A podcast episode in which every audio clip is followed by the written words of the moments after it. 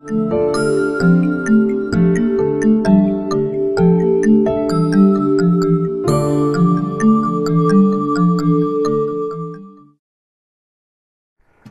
5 jam membaca mengantarkan Bill Gates menjadi salah satu orang terkaya.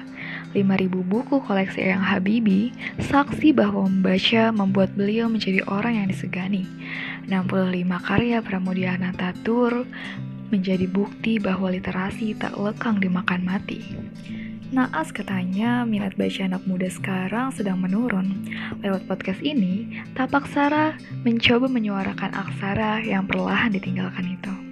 Happy listening.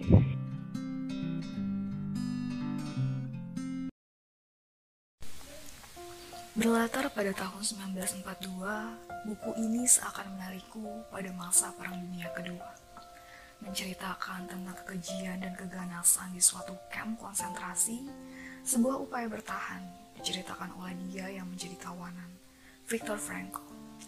Melalui Mount Search for Meaning yang merupakan salah satu buku bestseller di dunia, aku belajar. Pada hakikatnya, kehidupan manusia tidak lepas dari sebuah penderitaan. Karena penderitaan bukanlah sesuatu yang dapat kita hindari. Namun, kita dapat memilih bagaimana cara mengatasinya, menemukan makna di dalamnya, dan melangkah maju dengan tujuan yang baru. Apa pun bisa dirampas dari manusia, kecuali satu, kebebasan terakhir seorang manusia, yaitu kebebasan untuk menentukan sikap dalam setiap keadaan, kebebasan untuk memilih jalannya sendiri.